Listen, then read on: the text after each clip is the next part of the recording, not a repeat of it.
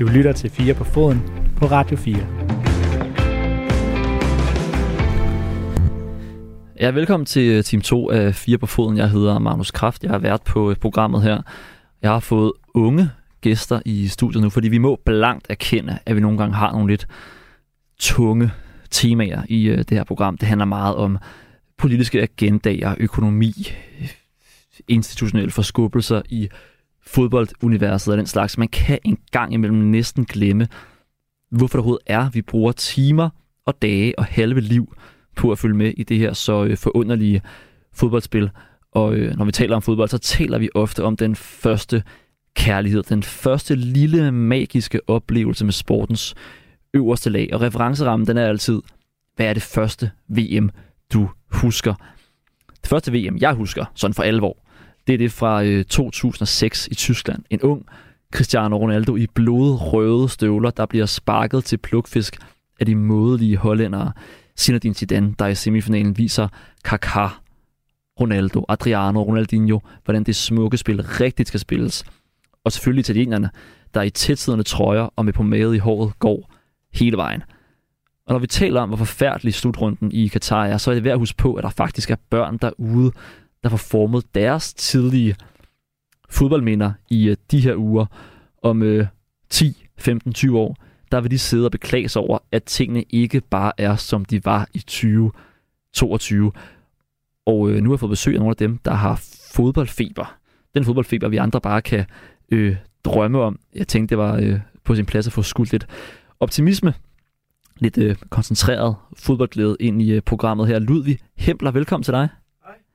Vil du komme lidt smule tættere på mikrofonen, når du taler, så er det helt perfekt sådan der ja, altid. Du er 13 år gammel, du spiller selv fodbold til daglig i øh, VSB i, øh, i Vium. Ludvig, øh, hvordan er det for dig, at der øh, for tiden hele tiden kører fodbold i øh, fjernsynet? Det er mega fedt, at jeg ikke kun i weekenden kan se fodbold, at jeg kan komme hjem fra skole og så bare sidde og se en kamp og at hygge mig. De starter kl. 11 allerede, kampene. Sidder du nogle gange i skolen, og så kribler lidt for at øh, få lov at se, øh, for at se kamp? Øh, som nogle gange, som for eksempel i dag, så, så var, hvor, havde vi en vikar, som der så viste det på vores store skærm, ikke? Så det er meget fedt. Det er vikaren fra, øh, fra himlen der. Hvem, øh, hvem ser du så kampene med? Er det både dig selv, eller din familie? Og... Ja, både min familie, mine gode venner, ja, men mest tror jeg bare alene. Kommer du fra en meget sådan fodboldpassioneret familie? Ja, min far er også kæmpe fodboldfan, og det har ikke ret smittet på mig. Okay, altid. Og øh, så har vi også dig, Tobias Kraft. Du er også 13 år gammel. Øh, Velkommen øh, til dig. Tak. For den totale åbenheds skyld, så øh, skal det jo selvfølgelig siges, at øh, Tobias har den helt ekstreme fordel i det her øh, setup, at han er min lillebror. Så øh, hvis jeg går lidt hårdere til ham, så er det ingenting sammenlignet med, øh, hvad der sker, når mikrofonen er øh, slukket.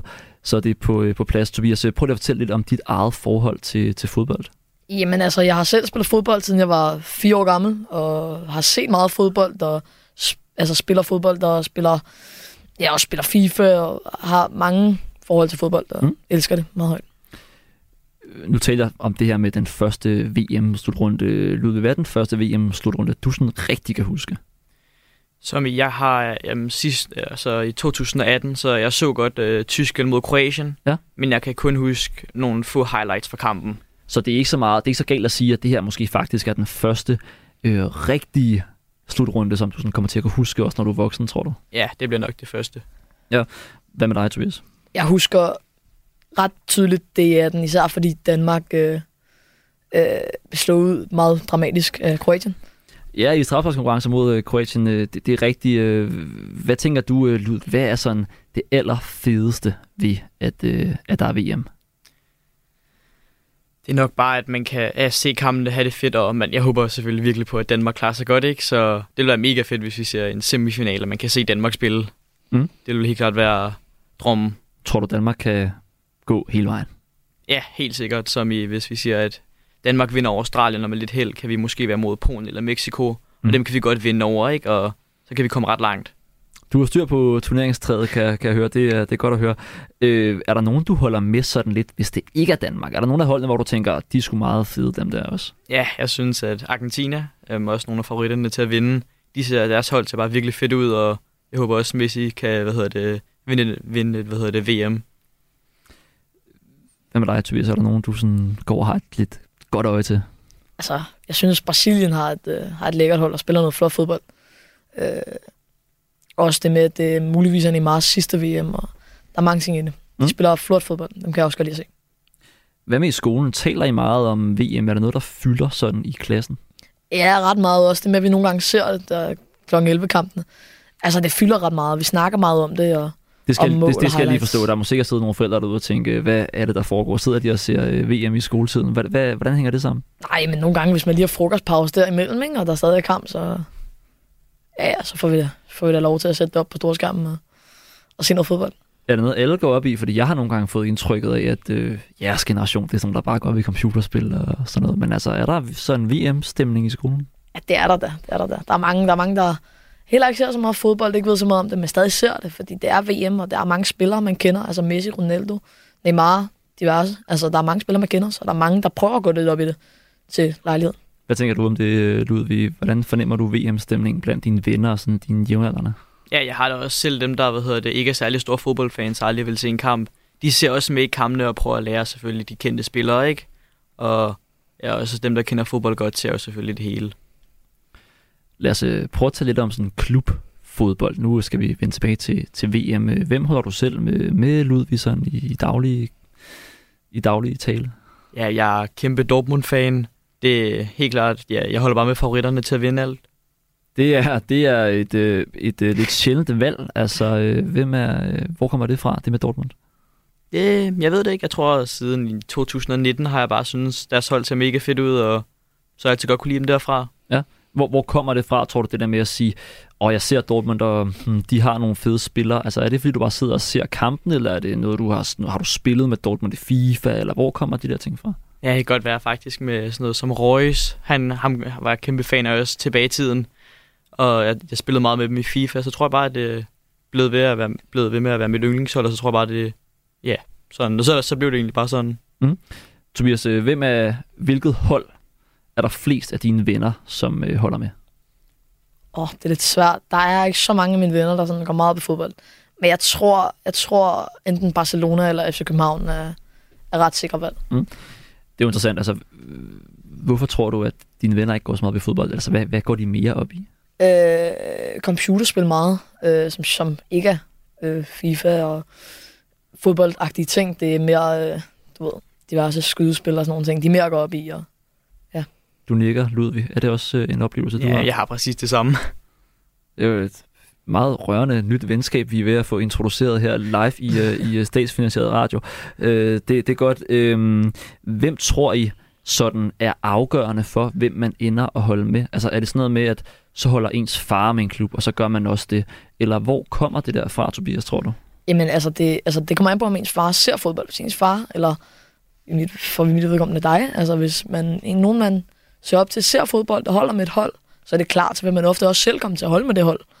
Øhm, men det kan også øh, for eksempel komme med noget, for hvis man spiller med nogen i FIFA, eller de er gode, og, eller det med, at for eksempel PSG køber Messi, altså, Ja.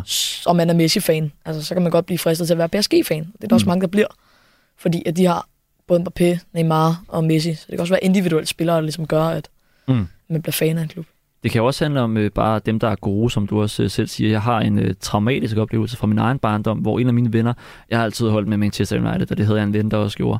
Men så en dag, øh, fra den ene dag til den anden, der skiftede han fan til Chelsea, fordi de havde købt en masse gode spillere øh, midt i øh, sommervinduet. Det synes jeg jo var dybt illoyalt. Altså mærker I nogensinde øh, folk, der øh, lige sådan kan finde på at skifte, øh, skifte klub fra den ene dag til den anden? Øh, ja, ja, det har jeg helt klart prøvet. Det er selvfølgelig mest dem, der ikke går så meget op i fodbold, som jeg har haft en hel masse venner, som der... Der er jeg faktisk en del af Liverpool-fans, og så tror jeg sådan to år siden, så sagde jeg bare alle, nu kan jeg godt lide Manchester United. Og det tror jeg egentlig, det var et meget sjovt skifte. Ikke? Og Tobias, jeg ved, du glæder dig lidt til, at du bliver gammel nok til sådan rigtig at gå til fodbold på tribunen selv. Øh, Ja. Hvad er det ved det der med at kunne gå på stadion, som er så fedt? At det er meget det der, altså stemningen er jo helt fed, og det der med, at man er så mange mennesker, der er samlet om det samme, ikke?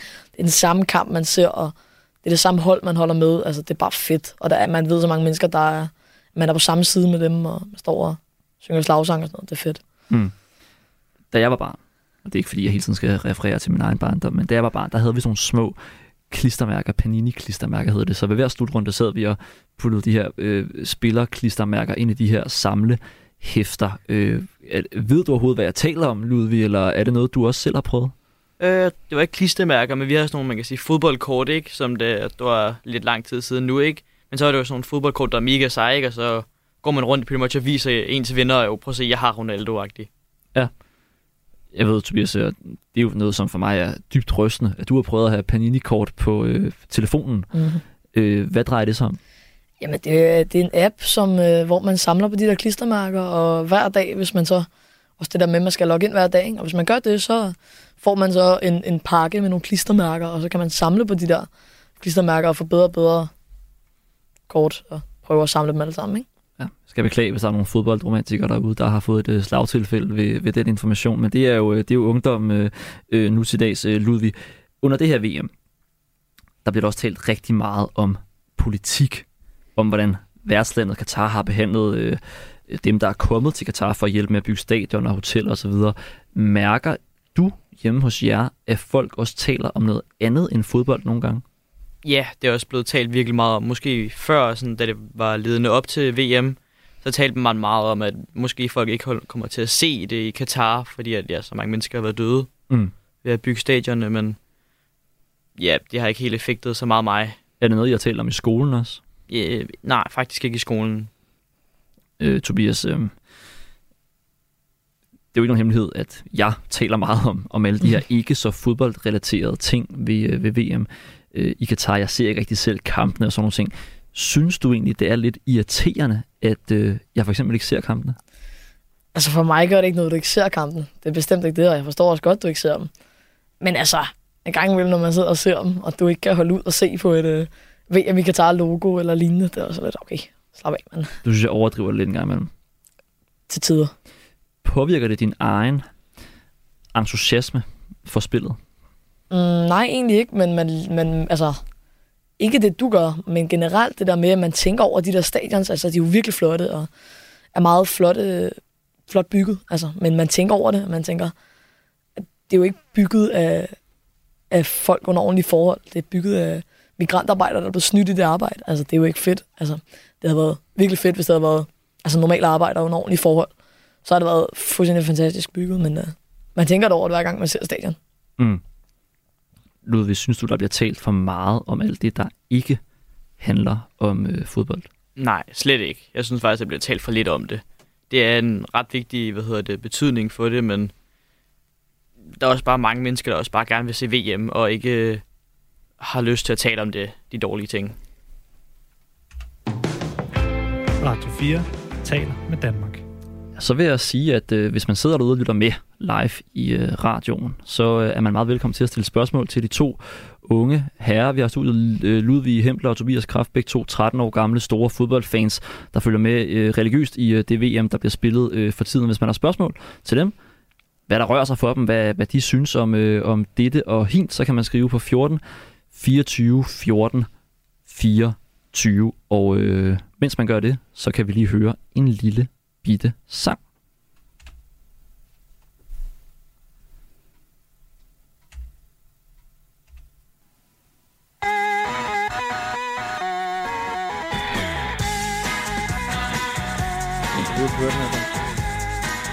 Ja.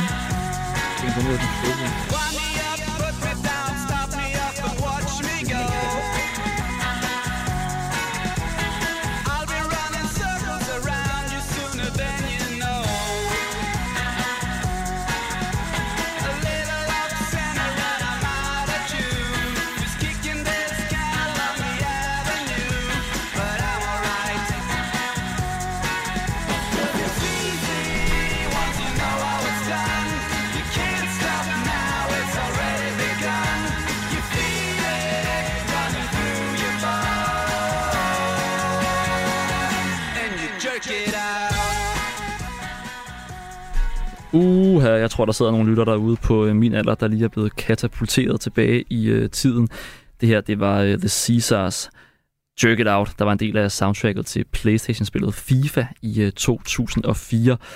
Jeg spiller det dels for min egen fornøjelses skyld, men altså også fordi det her spil, øh, FIFA kan jeg jo forstå, er noget, der, øh, der påvirker, hvordan I unge mennesker taler om og øh, forstår også fodbold. Øh, Tobias, du spiller meget FIFA, det kan jeg sige med en vis ro i stemmen. Øh, hvor meget påvirker FIFA, hvordan du og dine venner forstår fodboldspillet? Det påvirker rigtig meget, især fordi dem af mine venner, der spiller FIFA, ikke ser fodbold. Altså, det, øh, det betyder rigtig meget for dem. Altså, for eksempel Thiago Silva, der er meget langsom i FIFA. Altså, han er ikke en god forsvarsspiller, fordi i FIFA er han ikke god, for der behøver man at være hurtig for at være en god forsvarsspiller. Så er der mange, der ikke, der ikke rigtig synes, han er en god forsvarsspiller i virkeligheden. Det har jo ikke rigtig noget med hinanden at gøre. Det er jo trods alt bare et computerspil. Og Ludvig, spiller du også øh, FIFA? Ja, jeg spiller også FIFA. Kan du genkende, at Tobias siger med, at der er nogen, der måske tænker, at det, der sker i fodboldspillet FIFA, er den måde, der også er på i det virkelige menneskelige spil FIFA? Ja, det er faktisk... Eller fodbold, undskyld. Det er virkelig utroligt sådan... Med, hvis folk er gode i FIFA, så tror folk også bare, at de er virkelig gode i virkeligheden. Så de hurtige, gode dribler er bare virkelig gode i virkeligheden. Selvom det ikke altid er sådan der. Hvad synes du er det fedeste ved FIFA, Tobias? Uh, jeg synes, det er, at man, uh, man kan sammensætte sit eget hold. Ikke? Især at det der Ultimate Team, hvor man, der er, man bygger sit eget hold af forskellige kort, man, uh, man kan få på forskellige måder og købe dem. Uh, det, jeg synes, det er rigtig fedt, at man kan bygge sit eget hold og nemlig selv bestemme, hvilke spillere det skal være, som selvfølgelig også er virkelige. Og som jeg sagde før, ja, det er et computerspil, men det er totalt stadig ægte mennesker, man sidder og har set i fjernsynet, som man øh, kan sidde og vælge, hvem det er, man helst vil have på sit hold, og helst vil spille med i spillet. Gør det også lyd ved, at man måske får en anden viden om spillet? Altså man, øh, man lærer en masse spillere at kende, som man måske ikke ville kende til, hvis man ikke spillede FIFA? Ja, det, det er faktisk helt vildt, hvor mange mennesker man kender, på grund af, at man spiller FIFA. Som når jeg taler med min far, som der er jo en lang tids fodboldfan, så kan jeg blive ved med at nævne unge spillere, som man bare ingen idé hvem er. Og det er fordi, du spiller FIFA, du har prøvet dem i øh, karriere-mode, eller hvordan er det? Ja, i, ja så karriere-mode er sådan du ved, unge spillere virkelig gode, ikke? Og så lærer man dem alle kende. Synes du, det er spændende, det der med at følge med i, hvem bliver de næste store? Altså er det fedt at kunne sige til sine venner eller til sin far, øh, du skal holde øje med ham her eller ham her, fordi om 5-10 øh, år, så er det ham, alle snakker om. Ja, det, det bliver jeg faktisk ved med at gøre til min far, som lige nu siger jeg meget Mokuku, Dortmund angriberen også. Ja. At han bliver om 5-10 år, bliver han den nye øh, Ronaldo. Du lytter til Radio 4. Ja, og du lytter til 4 på foden her på øh, Radio 4, hvor jeg har besøg af to unge, friske, glade fodboldgutter. Øh, Ludvig på 13 år, Tobias også på, øh, på 13 år. Man hører jo meget om øh, jeres generation, synes jeg ikke. Og det er ikke, for jeg, fordi jeg skal være sådan en gammel nisse, der står og skiller jer ud, men, men man hører om, at I spiller så meget på jeres iPad og jeres telefon. I kan selv ikke koncentrere jer. Øh, synes I, og nu kigger jeg på dig, Tobias, synes du, at det nogle gange kan være svært at koncentrere sig en hel fodboldkamp på øh, 90 minutter? Det kommer bestemt an på, hvilken fodboldkamp og hvilket hold der er, der spiller. Altså hvis man ser en Superliga-kamp, som ender 0-0 mellem, I don't know, Sønderjyske og Randers. Altså, det er jo ikke nødvendigvis flot fodbold. Det er lange bolde, og det er ikke særlig flot spil nødvendigvis. Det kan det godt være, men ikke nødvendigvis. Og hvis man ser sådan en kamp, så kan man godt blive sådan lidt, ah, måske snart ende, ikke? Men ser man hold, der kan finde ud af at spille fodbold, altså hvis man for eksempel ser en Brasilien-Argentina-kamp, eller store hold, der spiller mod hinanden, eller hold, der bare kan finde ud af at spille fodbold mod hinanden, så synes jeg, at det er, man nyder alle 90 minutter, ser. Lidt uh, apropos det, uh, Ludvig, hvad synes du egentlig er fedest? Synes du, det er fedest, når der er landsholdsfodbold som nu, eller er det fedest med, med klubfodbold, hvor man jo også har Superligaen i gang, Premier League osv.? Jeg tror, hvis jeg skal være ærlig, mere til sådan Champions League, mm. men det kan man selvfølgelig ikke se så meget, fordi at det, der er kæmpe pauser imellem det. Men det, VM er en meget, hvad hedder det, close contender til det. Mm. Hvad er det bedste ved Champions League? Det er nok, at man kan også hæppe på hold, om, sådan, man kan hæppe på mange forskellige hold, og jeg vil også sige Champions League, i forhold til når det er landshold, der spiller, så det er lidt mere, at man kan predict, hvem der kommer til at vinde. Nu kommer der lidt øh, svært spørgsmål, og så må I lige sidde og tænke over det. Øhm, hvis der var noget, I kunne ændre ved fodboldspillet, hvad skulle det så være? Er der noget, hvor I tænker, her bliver det simpelthen for kedeligt, eller det her er åndssvagt, eller... Altså, jeg synes lidt, at alt det, altså alt det teknologi, altså det gør jo spillet mere færre. Men det der med, at man lige en albu offside, altså på en eller anden måde var det mere befriende, at man i, ja, i gamle dage i gåsøjne, øh, altså hvis, hvis bolden røg ind i nettet, og dommeren ikke sagde offside, jamen så var der mål, og så kunne man juble. Altså ikke det der med og han går lige ud og kigger på den, der er sikkert offside, så jubler man ikke. Og man kan ikke juble på samme måde, hvis man, øh, hvis man ved, at den er måske offside. Den bliver nok offside, fordi han er en albu offside. Mm. Det er jeg jo helt enig i, det vil du vide. Har du, øh, Ludvig, nogle øh, tanker om spillet, som du tænker, hmm, det bliver lidt tungt det her, eller det er måske bedre, hvis vi gør sådan for de fremtidige generationer? Ja, det er jo også, at man kan sige, at folk, når, at, hvad hedder det, når der er, vi siger 20 minutter tilbage af kampen, og nogen fører 1-0, at folk bliver ved med bare at kaste sig ned på jorden over ingenting. Så det er jo lige nu, at der er folk, der gør noget ved det, så der kommer meget længere overtid med. Men det er stadig, så tror jeg bare, at overtiden også bliver lidt kedelig. Og det er sådan, det kan godt, det synes jeg bare godt, man kan egentlig sige til fodboldspillerne, stop med at gøre det. Du spiller jo selv øh, fodbold, altså hvor tror du, det starter henne? Er det allerede, når I er på jeres alder, I begynder at ligge og smide jer rundt, eller hvornår, hvornår kommer det der?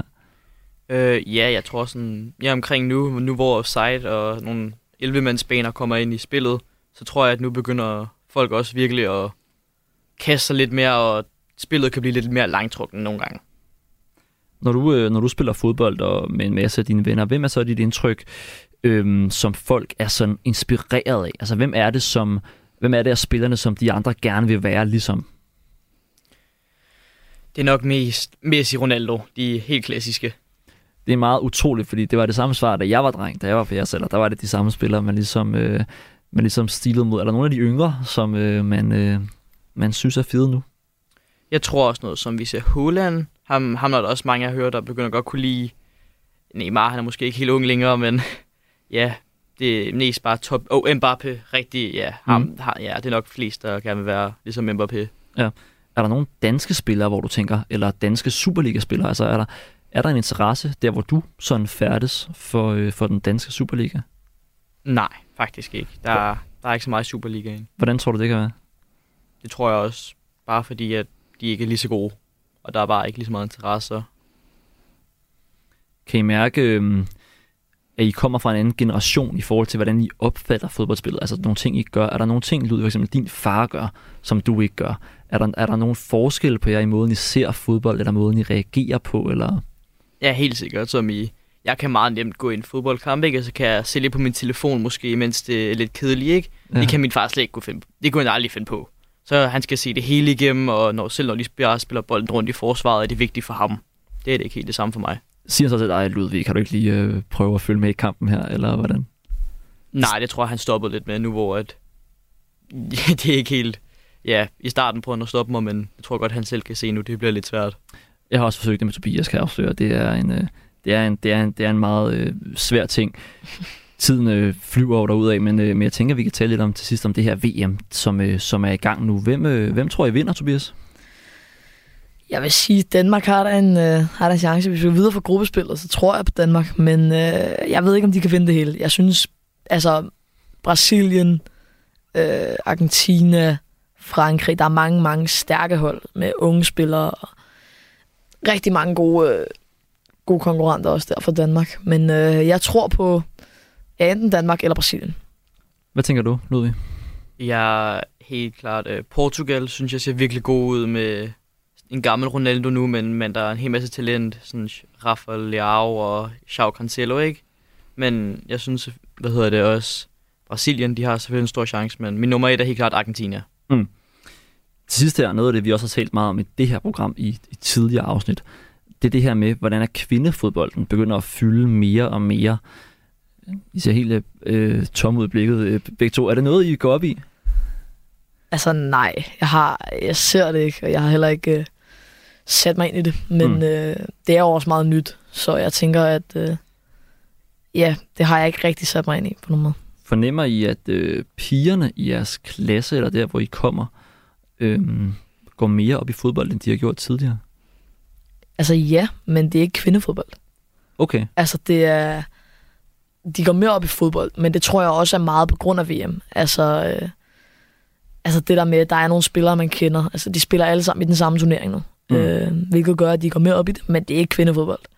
Der er ikke nogen af dem, der går op i kvindefodbold. Hvad tænker du om det, Ludvig? Jeg har heller ikke... Jeg kender ingen, ingen mennesker, som der går op i kvindefodbold. Og man kan sige, at pigerne, jeg går også i skole med, de går slet ikke op i fodbold. Det er ikke kvindefodbold, det er ikke mandefodbold, ingenting. Okay, men vi kan da trods alt sige, at uh, I begge to går meget op i alle mulige andre former for fodbold, især selvfølgelig det, det VM, der uh, er i gang nu. Det var enormt hyggeligt og dejligt at have på besøg. Det var fedt lige at få lidt øh, ungdomlig entusiasme pustet ind i det her ellers så øh, tungluftige øh, studie. Ludvig Hempler, tak fordi du kom. Mange tak. Tobias Kraft også, øh, tak fordi du havde lyst til at svinge forbi. Mange tak, fordi det kan være. Radio 4 taler med Danmark. Ja, og nu øh, skal vi tilbage til den tørre, tunge voksenverden, hvor øh, en af de kampe uden for krigstræerne, der øh, har fyldt allermest under VM i øh, Katar, det er den kamp, iranerne kæmper mod det stokkonservative præstestyre i øh, Iran. Øh, også landsholdet har markeret øh, med støttetilkendegivelser til, øh, til protestanterne. Mest opsigt vagte det nok, da iranerne var tavse som graven under landets øh, nationalmelodi. Og eksperter mener, at iranerne med disse markeringer sætter deres egen og deres familiers sikkerhed i Iran på spil. Og det har fået sagen til at rykke ind på gangene på øh, Christiansborg. Leila Stokmar, velkommen til. Tak for det. Du er øh, udlændingeordfører i øh, Enhedslisten. I, øh, I har Enhedslisten foreslået, at de iranske spillere skal tilbydes asyl i Danmark. Hvorfor det? Jamen det har vi netop fordi, at øh, som du også sagde i indledningen, at øh, de iranske øh, fodboldspillere, der udviser stort heldemod og var stille under nationalsangen, at de har sat deres liv på spil og risikerer alvorlige repressalier, øh, når de kommer tilbage til Iran efter denne her VM-slutrunde.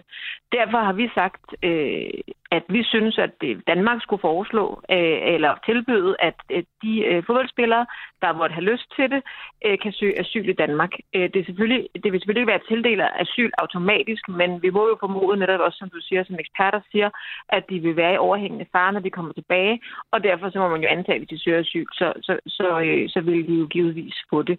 Mm. Øh, men det er jo selvfølgelig op til iranerne øh, selv, de iranske fodboldspillere selv, om de er interesseret i øh, at søge asyl. Men vi synes i hvert fald, at det er et, øh, et tilbud, vi gerne vil give dem. Både selvfølgelig først og fremmest for at undgå, at der sker dem noget, men også for at honorere øh, den, øh, den heldeindsats, jeg mener, det var, da de, øh, da de viste mod til at være stille under nationalsangen. Ja, lad os lige holde fokus på, på spillerne her først, altså fordi sådan det helt konkrete tilbud, kan man kalde det, fra jer, jeg studser lidt over, at øh, de fleste af de her spillere er jo fætterede stjerner på megakontrakter i, øh, i udenlandske klubber. De har jo kontraktuelle forpligtelser andre steder i Portugal, i England, i Tyskland osv. Altså, hvor ville de skulle bo hen i Danmark, hvis, øh, hvis de fik asyl her? Det er jo klart, altså det er jo, det er jo tilfældet af, at det er også det, jeg siger, at, at de selv vurderer, at de har øh, et beskyttelsesbehov hvis eller når de skal hjem til Iran. Øh, det er jo ikke alle sammen, der skal hjem til Iran efter den her slutrunde, men dem, der vil vurdere, at de vil have det behov, eller deres familier. Det er jo også sådan, at det iranske regime er notorisk kendt for at gå efter, øh, hvad hedder sådan noget, kritiske stemmers familier pårørende.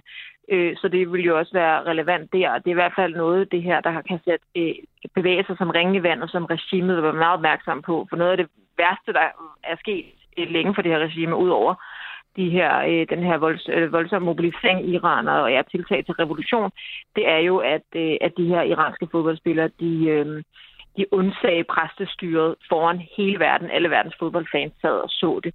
Så det her, det er noget, der, der også kan påvirke øh, pårørende og andre i Iran i forbindelse til øh, fodboldspillerne. Mm. Men det er klart, at, at, at de lever jo liv, øh, som ikke kan, hvad kan man sige, sammenlignes med den gennemsnitlige iraners. Øh, så det vil jo kun være, hvis der er behov. Men jeg synes, at det er et vigtigt også signal at sende, at honorere så meget vi overhovedet kan. Og så og, og lige det, ud over nu ved... Ja, okay. jamen, og det er jo så netop det, tænker jeg, Leila Stockmark, det er vel det, der er humlen her. Det er vel bare et signal. Altså det er ikke totalt urealistisk at forestille sig, at de her millionærfodboldspillere, og sågar også deres familier, skulle sidde på et eller andet dansk asylcenter.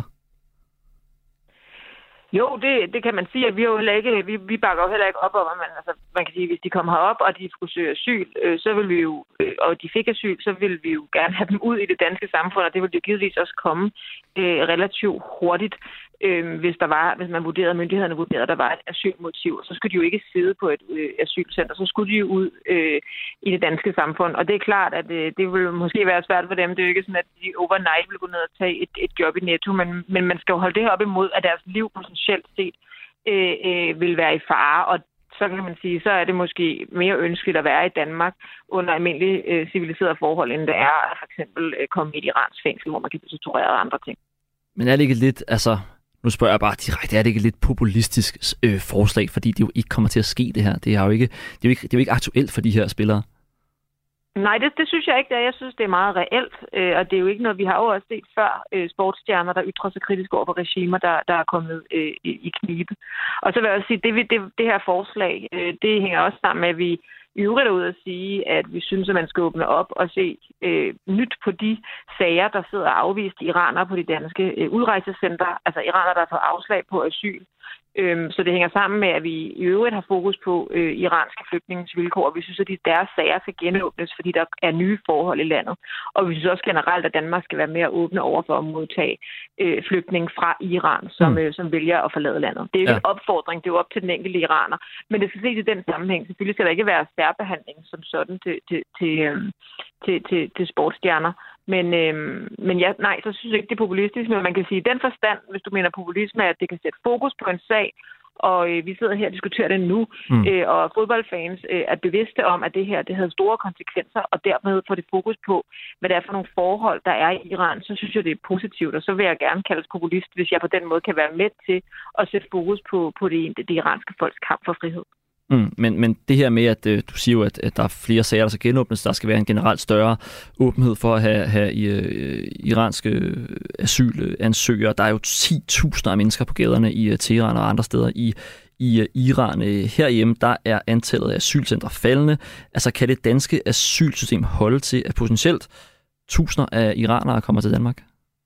Jamen, det, altså lige nu er der jo ikke så mange øh, iranere, der, øh, der er flygtet. Øh, både fordi det er meget svært at komme ud af landet, desværre, men, øh, men jo også fordi, at mange af dem, der er i Iran, de faktisk øh, bliver og tager kampen. Øh, og specielt når kampen, hvad kan man sige, øh, vokser i styrke, så, så vokser håbet jo også om, at man faktisk kan øh, øh ændre på, på, det, på det siddende regime. Så derfor øh, så tænker jeg ikke nødvendigvis, at alle dem, der går på gaderne, de er interesserede i at komme ud af Iran. De vil faktisk gerne blive og kæmpe øh, for, øh, for deres øh, befolkningsfrihed øh, og for deres egne rettigheder. Så mm. jeg, jeg tror, det er mere kompliceret end som så, og derfor tror jeg ikke, at sådan en åben stående invitation fra Danmark om, at man kan få asyl, det med at få alle demonstranterne til at tage ud af Iran, hvis de kunne. Nok ikke alle, øh, men hvad hvis der er flere tusinder, der gør det? Jamen, så må vi jo se på det. Vi så, hvordan der skete under krigen i Ukraine, der Danmark imod 20.000 flygtninge på meget, meget få dage. Var der politisk enighed om det? Iranerne har levet under et så repressivt regime i mere end 40 år. Jeg synes, at vi skylder de iranere, der gerne vil have asyl og give dem asyl. Nu kan vi se, hvordan at øh, regimet går til værk. De, øh, de henretter øh, børn, og, og de stener kvinder. Øhm, så det synes jeg egentlig ikke, er, at det vil være den store udfordring, hvis der kom et, et par tusind. Og det er jo nok heller ikke kun Danmark, øh, vi ser, øh, der vil være et, et ønske om at give iranere asyl. Så vi skulle jo tage vores del, og så kunne man jo formode, at andre lande også vil melde sig på banen. Mm. I øh, de her dage, der er der jo øh, store protester i øh, Kina også mod øh, Kommunistpartiets øh, coronapolitik. Skal regimekritiske kinesere også have asyl i, øh, i Danmark? Jamen, nu er det jo ikke mig, der skal sidde her i radioen øh, som politiker og tildele asyl. Altså, det fungerer jo sådan, at man skal tilbydes, eller alle, alle har i princippet mulighed for øh, at søge asyl, så skal myndighederne vurdere den enkelte sag, om der er øh, øh, hvad hedder sådan noget, et konkret beskyttelsesbehov. Bare fordi man kommer fra Kina, kan man ikke få asyl. Hvis man vurderer, og sådan er det jo allerede i dag, mm. at man er fuld på grund af den øh, politiske aktivisme, man laver på grund af øh, ting, man har gjort, som gør, at man er konkret øh, forfulgt eller eftersøgt af regimet, så, så vil man jo givetvis øh, få asyl. Og vi ser jo også systemkritiske kinesere, der får asyl. Vi ser også migranter, der kommer, der ikke er individuelt forfulgt, og de får jo ofte afslag, og det er jo mm. sådan, lovgivningen fungerer. Alright. Øh, kan du forstå her til sidste, Leila Stokmar, altså hvis folk tænker, at enhedslisten måske har tænkt, okay, der er VM, det er det, alle taler om for tiden, lad os lige prøve at øh, slå lidt plat på en sag, der fylder meget i, øh, i tv-dækningen, og så, øh, og så kan I fyre sådan en ordentlig omgang øh, symbolpolitik af, som det jo lidt lyder til at være. Nej, altså først og fremmest, så kan jeg vel gerne understrege, at det var faktisk også ekstrabladet, der spurgte os, om vi synes, det var en god idé. Så det, øh, så det ja, så man kan sige, på den måde, så har vi da synes, det var en god idé, og vi har da også snakket om det øh, efter efter øh, nationalsangen og, og, og, og, øh, og seancen der. Men, øh, men nej, det synes jeg ikke. Jeg synes ikke, at det er en, en plat omgang og en tom omgang. Altså man kan sige, hvis bare en af de fodboldspillere vurderede, at han var i fare og havde behov for os efterfølgende familiesamføring og få sin familie op, fordi de var i fare, så ville jeg synes, det var, det var det værd. Om mm. ikke andet, så har vi haft diskussionen, og også i sammenhæng med fodbold, specielt under den her slutrunde, som, han, altså, som spilles i Katar, hvor der er så massiv udfordring med menneskerettighederne, der synes jeg da, at det er værd at sætte fokus på øh, det mod, som iranerne udviste, og honorere det. Okay, til aller, aller sidst her, øh, Leila Stokmar, ja. det spørger jeg mange af mine gæster om. Øh, følger du egentlig selv med i uh, VM? Nej, ikke rigtigt. Øh, jeg har besluttet mig for, at jeg ser ikke, jeg er normalt heller ikke fodbold, men jeg er heller ikke modstander af det. Men i år her har jeg besluttet, at det har jeg ikke lyst til at se på grund af øh, de vilkår, som migrantarbejderne er blevet budt i Katar i forbindelse med det her VM. Så det gør jeg faktisk ikke. Okay, Leila Sokmar, du er udlændingordfører i øh, Enhedslisten. Tusind tak for din tid. Det var så lidt. God aften. Radio 4 taler med Danmark. Ja, i øh, går der var der bål og brand i øh, Bruxelles gader, efter at Marokko havde banket belgierne med 2-0. Det var ikke bare belgierne, der var sure, men øh, de marokkanere, der bor i Belgien, og øh, dem er der en del af. Tidligere i dag, der havde jeg besøg af Jakob Langvad, der er europakorrespondent. Han øh, bor i Bruxelles, og jeg spurgte ham, om de her optøjer under og efter kampen i virkeligheden er et udtryk for noget helt andet end øh, fodbold. Jakob, du, øh, du bor til, øh, til daglig i Bruxelles. Nu er du så her i København øh, undtagelsesvis, og øh, kan hjælpe os med at fortælle lidt om, hvad det er, der foregik i, øh, i Belgien i går, hvor Belgien noget overraskende taber til, øh, til, Mar- til Marokko. Øhm, måske kan du starte med lige at sætte scenen og fortælle os lidt om, hvad er Bruxelles øh, for en by, også når man kigger sådan på beboersammensætning? Ja, altså det, der er interessant i Bruxelles, er jo, at folk tror jo, at det alle sammen er sådan nogen, der arbejder i EU og tjener en fed løn og går i slips og jakkesæt og sig Der er selvfølgelig en by uden om EU, og den by har blandt andet øh, rigtig, rigtig mange marokkanske indvandrere. Der er cirka en halv million øh, borgere i Bruxelles, som er af marokkansk afstamning, naturaliseret eller stadigvæk øh, med statsborgerskab. Så øh, det er en meget stor gruppe, og øh, Bruxelles har også nogle meget store sociale problemer, fattigdomsproblemer, og det er en af de grupper, der faktisk er hårdest øh, spændt for socialt set. Øh, så øh, der er mange unge mennesker, og øh, statistikkerne siger, at øh, det drengenavn, der er flest af i Bruxelles, nyfødt drengebørn, det er Mohammed, det er nummer et. Og nummer ni, det er også Mohammed, det er som et eller to emmer. Okay, øh, og så i går eftermiddag spillede Belgien mod, øh, mod Marokko. Øh, en, en kamp, som Marokko så øh, vinder. Hvordan blev det himmelensvis fejret og øh, begrædt i, øh, i Belgiens gader i går?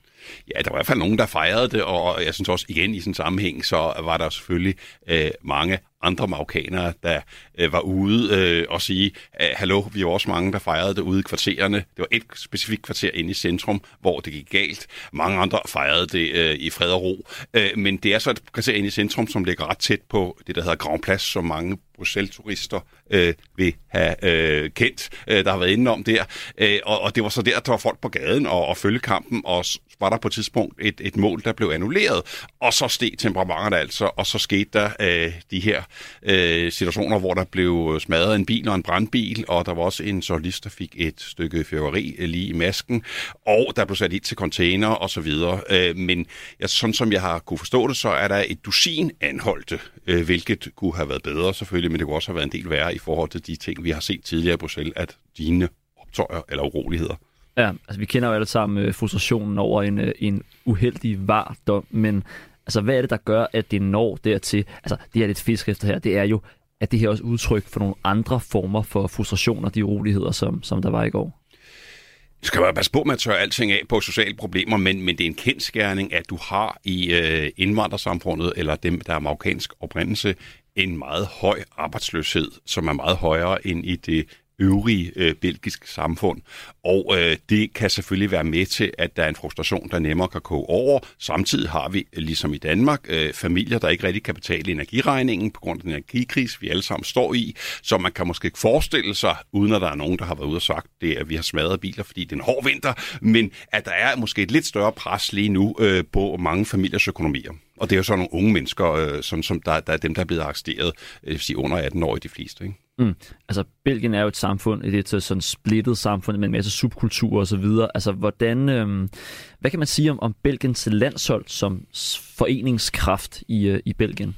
Jamen altså, i forhold til det er det jo faktisk et, et, et, et Øh, når du siger splittet, så dem, der ikke lige er klar over det, der har vi så et, øh, en øh, fransktalende øh, del i sydlige Belgien og en nederlandsk eller flamstalende i det nordlige øh, Belgien, som øh, faktisk lever kulturelt ret adskilt på mange måder.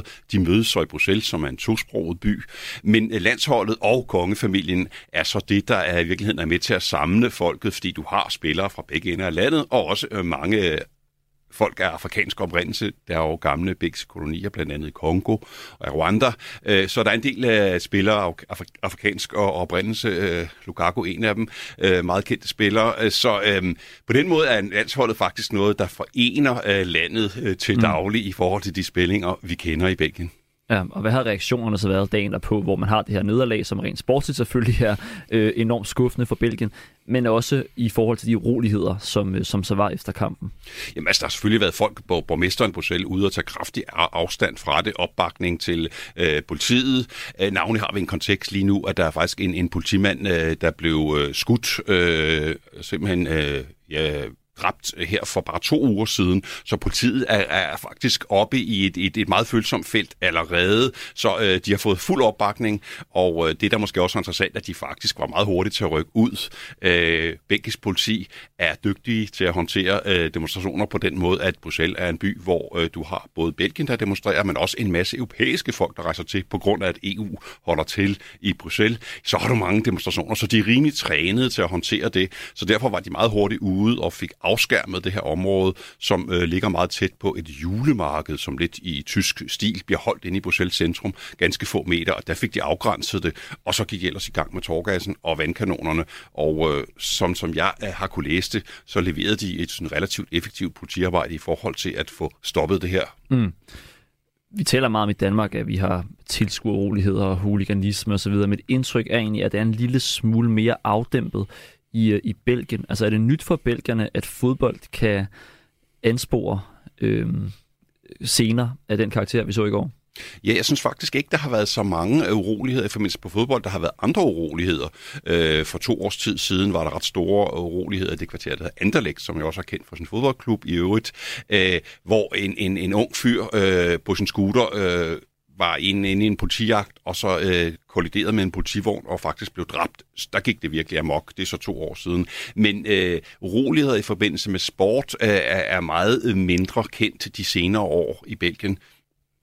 Nu skal vi så have afgjort puljen her, hvor, øh, hvor både Marokko og Belgien øh, er i. Er der så et øget fokus nu på, at man vil undgå øh, lignende scener, når øh, Marokko møder Canada her? Kan jeg måske endda med at gå videre på bekostning øh, af Belgien for den her VM? Pulje. Hvad, hvad snakker man om i, i Bruxelles?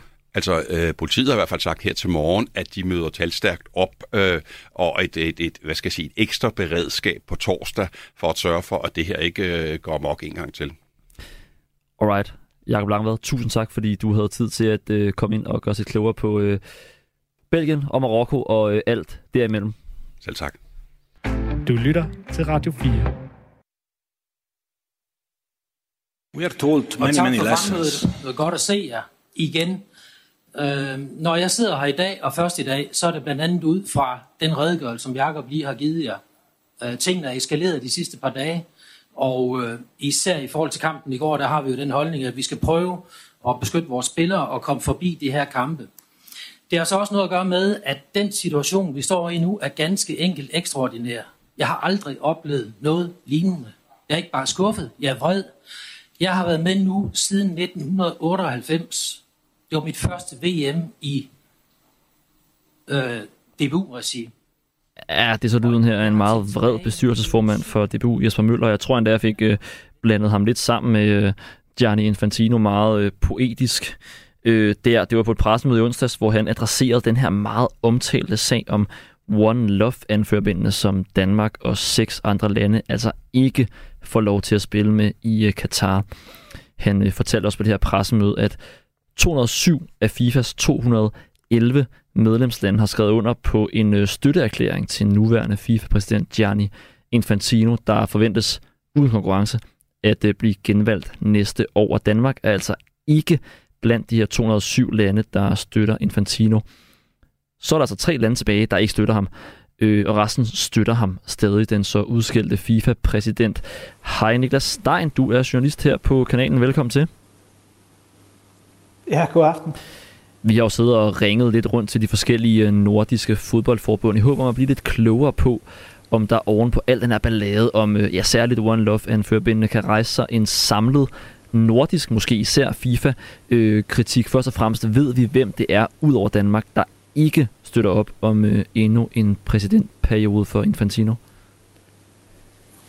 Ja, højst sandsynligt. Øh, jeg rettede i hvert fald ret hurtigt henvendelse til Norge øh, for at høre dem ad, fordi øh, det vil ikke være særlig overraskende, hvis Norge de heller ikke støttede Infantino, og det kunne de ret hurtigt bekræfte over for mig, at, at, at de har heller ikke skrevet under på den her støtteerklæring. Så Norge er i hvert fald det ene, og, og det er grunden til at sige, at det ikke er overraskende, det er jo fordi, det er, det sådan forholdsvis nye forbundspræsident, Lise Klavernes, som, øh, som, som har været virkelig kras i kritikken af, af, af FIFA og øh, VM i Qatar, og især Infantino. Øh, hun, hun, var, hun gik jo på talerstolen til, til den her øh, FIFA-kongres i netop Doha i Qatar øh, tidligere på året, og, øh, og stod og kritiserede FIFA og Qatar lige for øjnene af dem. Så, så, så dem er der i hvert fald øh, flueben ved. Øh, dernæst så, øh, så prøvede jeg at rette kontakt til øh, Tyskland, DFB, som er dem af de deltagende VM-nationer, der har været mest øh, frem i skoene i forhold til at markere sig nede i, øh, i Katar. Og øh, jeg fik en lidt, måske lidt overraskende melding fra, øh, fra Tyskland, at de havde ikke været med til at nominere øh, Infantino, men at de i øvrigt ikke kendte noget til en støtteerklæring. Så det er sådan lidt, tæller de så med eller ej? Og, og der skal det måske lige, øh, der skal måske lige med, at nominering og støtteerklæring godt kan være det samme. For systemet er jo sådan, at, at, at for at stille op til, til præsidentposten i FIFA, så skal man have øh, en eller anden form for støtte fra fem andre nationer. Og jeg tror så, det, det er det, som Jesper Møller han hentyder til. Så jeg tror godt, jeg tør at, øh, at, at notere mig som, som Tyskland, øh, som den, den tredje nation. Mm. Og så er det så, hvem sidste af de her fire nationer er. Øh, jeg, jeg er ikke helt sikker på, om, det så, om, om Sverige kan gå med under den paraply, for de har været at sige, at de ja. i øvrigt heller ikke støtter Infantino mere. Men betyder det så, at de har støttet dem før? Det, det er jeg lidt i tvivl om. Ja, det er sådan, jeg tolker det i virkeligheden. Ikke? De har sagt, at de øh, efter hele den her mm. One Love-ballade vil nok vil tage stilling på ny og ligesom sige, at vi støtter ikke Infantino. Det tolker jeg så også som om, at, øh, at det har de gjort mm. øh, øh, tidligere.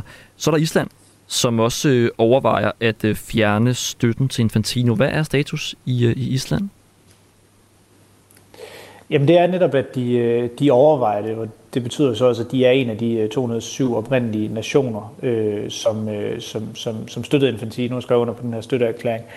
Og øh, når, de, når de overvejer det, så er det selvfølgelig fordi det betyder rigtig meget for de her mindre nationer, øh, de penge, som kommer øh, i, i, altså de pengestrømme fra øh, FIFA. Men indtil videre, så, så tæller øh, Island jo stadig officielt som Infantino-støtte. Så, øh, så skal de så diskutere internt, om det er noget, der skal ændre sig, hvilket det også lyder, som om der er nogle andre nordiske nationer, øh, øh der, der skal.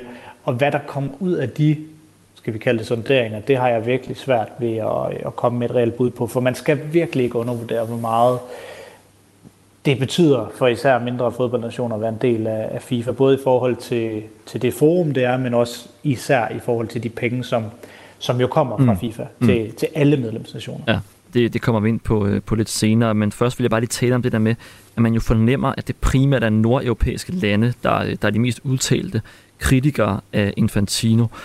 Øhm, er der lagt i kakkeloven til sådan et slags øh, nordisk alternativ til FIFA, eller om ikke andet en form for nordisk alliance? Det tør jeg simpelthen ikke at, at gætte på, at, øh, at der er, for øh, jeg synes ikke rigtigt, man har set nogen øh, klare tilslutninger til det fra nogen af nationerne, heller ikke fra, fra DBU nu. Altså det er jo sådan, at DBU tit har snakket om, en nordisk alliance og har snakket om, øh, for eksempel i forhold til at kritisere øh, FIFA og VM i Katar, at man først skulle tage det i, øh, i, i et nordisk forum. Så det eksisterer i, i en eller anden omfang, men, men det er jo stadig sådan lidt uformelt. Man kunne jo godt forestille sig, at der måske på et tidspunkt vil komme en lidt eller med de nordiske alliancer, altså som så kunne, kunne sameksistere sammen med UEFA, sammen med FIFA. Det kunne man godt forestille sig. Øh, og, og jeg tror, det er der, man skal kigge hen i forhold til, hvad der rent faktisk er muligt. For jeg forestiller mig stadig overhovedet ikke, at der er nogen, øh, om det så skulle være Danmark, Færøerne, Norge, Island, eller hvem det skulle være, der, der vil melde sig ud af, af FIFA. Det, det ser jeg stadig som meget urealistisk mm. Øh, så tidligt i processen. Så det man, det, man skal kigge på, det tror jeg nemlig er en eller anden form for mere formaliseret øh, nordisk alliance. Men jeg har stadig ikke set nogen tage i hvert fald ikke offentligt initiativ øh, til det. Det synes jeg stadig heller ikke, DBU helt har. Er det egentlig ikke mærkeligt, synes du? Altså, jeg synes for eksempel, at man talte om, at øh, før VM, at man savnede en eller anden form for fælles udmelding fra altså Norge, Danmark og Sverige for eksempel synes grundlæggende det samme. Men der kom kun øh, mm. initiativer om udmeldinger osv., i hvert fald som jeg opfattede det, sådan enkeltvis fra, fra landene? Altså er der ikke et kæmpe forbedringspotentiale der for, for nordisk fodbold? Jo, her, her øh, som jeg allerede godt synes, vi kan kalde på bagkant, øh, fordi der nok ikke kommer mere fra nogle af landene under, under VM, så, så har det jo set enormt rådet ud. Øh, det har nok ikke været det, der har været tanken. Men der har jo været, altså som sagt har der været den her nordiske alliance, som DBU har sagt, at de har snakket om, øh, hvad skal vi kalde det, Katar-kritikken eller dialogen i, Øh, og så har der været den her anden alliance blandt de syv lande øh, omkring det her One Love øh, armbånd, som jo, øh, som jo endte, som det, som det nu engang øh, som det nu engang endte.